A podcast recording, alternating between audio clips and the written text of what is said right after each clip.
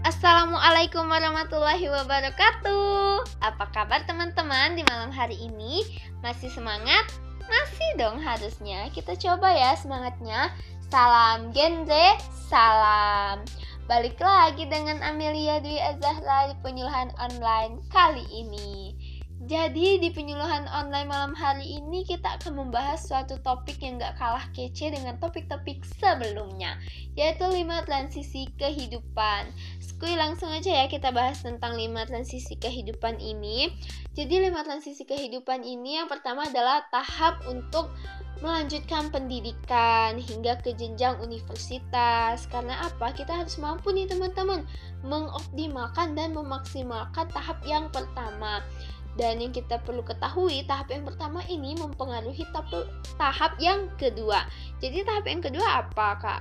Jadi tahap yang kedua adalah mencari pekerjaan karena sesuai fakta bahwasanya ketika seseorang hanya tamat SMP, tamat SMA, maka pekerjaannya hanya sekedar menjaga kasir, hanya sekedar office boy dan lain sebagainya. Sementara orang yang sudah mengenyam pendidikan di universitas hingga S2 maka sudah seperti di perkantoran atau apa pun itu yang memang aspek ekonominya di atas rata-rata.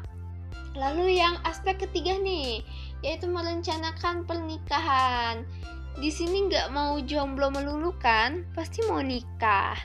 Jadi di sini kita bisa merencanakan pernikahan impian kita dan ini pun kembali yang aspek satu dan dua mempengaruhi aspek yang ketiga ketiga nih teman-teman. Karena apa? Ketika seseorang hanya tamat SMP hanya tamat SMA apalagi hanya tamat SD ketika menikah pernikahannya adalah pernikahan yang simple nggak kebayang tuh misalkan kayak kebayang kayak garden party atau apa pun itu yang mewah di gedung. Dan karena ekonominya nggak menunjang kan jadi kita harus bisa melalui tiga tahap ini dengan baik. Lalu kita masuk ke tahap yang keempat yaitu kehidupan bermasyarakat. Karena tidak mungkin ketika kita sudah berkeluarga, berumah tangga, kita tidak membutuhkan masyarakat, kita tidak membutuhkan tetangga.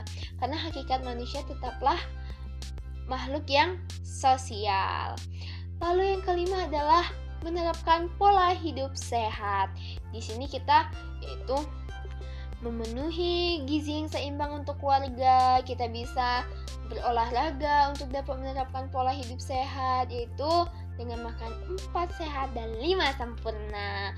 Dan bayangkan saja ya teman-teman, ketika 271 juta masyarakat Indonesia tidak dapat menjalani lima transisi kehidupan ini, apa yang bisa terjadi? Apalagi Indonesia di tahun 2028 dan tahun hingga tahun 2045 akan menghadapi bonus demografi. Bagaimana bisa kita menghadapinya ketika masyarakatnya saja masih selalu membebani pemerintahnya? Kita harus bisa menjadi masyarakat yang dapat meringankan beban pemerintah, harus menjadi masyarakat yang dapat menunjang sosial dan ekonomi negara.